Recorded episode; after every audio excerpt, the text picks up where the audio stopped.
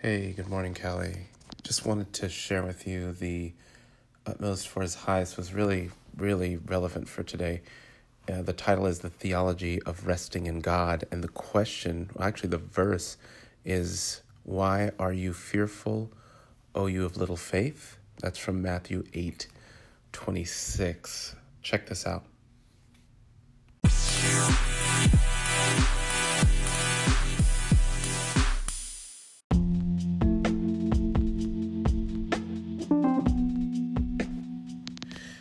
It says, When we are afraid, the least we can do is pray to God. Did you catch that? That's the least we could do, which is crazy. That is what I usually consider the most I can do.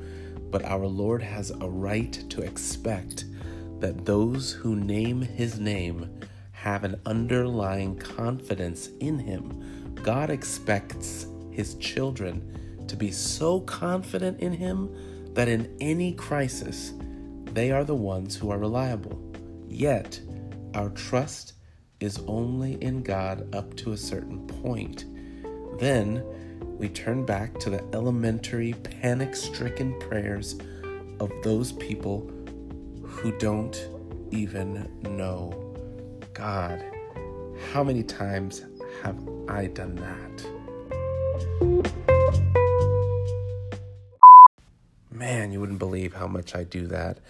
I find myself saying I trust God in certain areas, but there's these other areas that maybe I haven't seen Him work in, or maybe I've forgotten, or maybe time is the issue. I think that's the biggest thing when we sit somewhere and there's time on our hands before we enter into the situation, like a big goal or a big concern in the future. That's usually when at the moment, I go in and out, in and out of faith when I think of another angle in theory. So, anyways, back to the reading.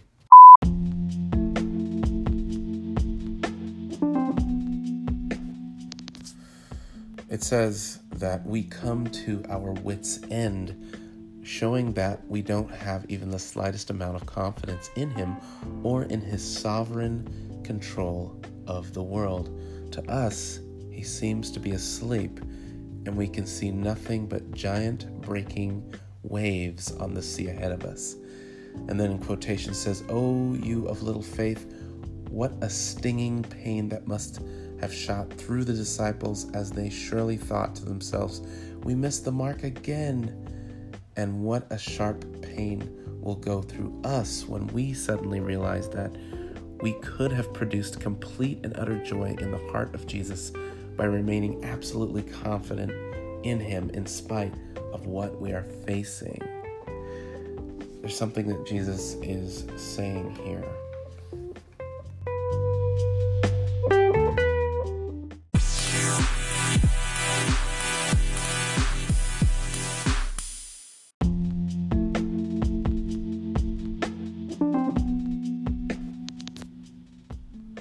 There are times when there is no storm or crisis in our lives and we do all that is humanly possible, but it's when a crisis arises that we instantly reveal upon whom we rely. And because this is your podcast, Callie, I'm going to throw your name in there. Callie, who do you rely on? Like, like it said here, there are times when there isn't any storms or crisis in our lives.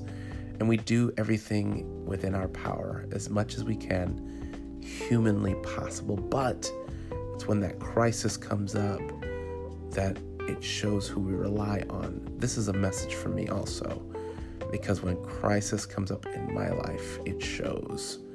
It shows who I trust in. And if we've been learning to worship God and to place our trust in Him, the crisis will reveal that we can go to the point of breaking, yet without breaking our confidence in Him. That's the part of this reading that blew my mind. It's actually the whole reason why I'm sending this podcast to you because I never thought of that before. It says, I'll read it again. If we've been learning to worship God and to place our trust in Him, here's the part the crisis will reveal that we can go to the point of breaking and yet without breaking confidence in Him. And I always thought that when we break, confidence breaks, or when we break, then we're just broken. I don't know, it's been crazy, but we have been talking quite a lot about sanctification, but what will be the result in our lives? It will be expressed in our lives as a peaceful resting in God, which means a total oneness with Him. And this oneness will make us not only blameless in the sight, in His sight, but also a profound joy to Him. Coming up next, just kind of the review, summation, application to our lives.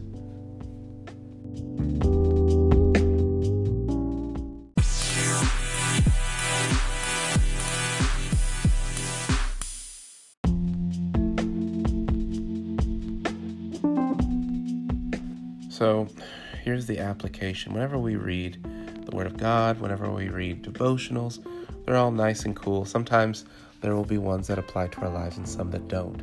I don't know where this one lands for you, Callie, but I will say this. You're going through changes right now, changes in almost every area of your life. How are you dealing with that? Sometimes we deal with it bad, sometimes we deal with it good. Our meeting the other day was an example of a choice that you made to trust God. Even if it wasn't pretty, the drive there, even if you had been having a bad day that day, it's about who you turn to so that if and when you break, your confidence in Christ does not break. And eventually, it shows by the way it's expressed as a peace in your life. And you can have that peace in your life today, Callie? Would you like that? Would you like some peace of mind in your life today? You can have that right now. All you have to do is say yes. So, um, hope you're doing well today. That was kind of funny. I thought your class started, but of course it doesn't start till the 19th. That's when my son's school starts. So I don't know what I was thinking.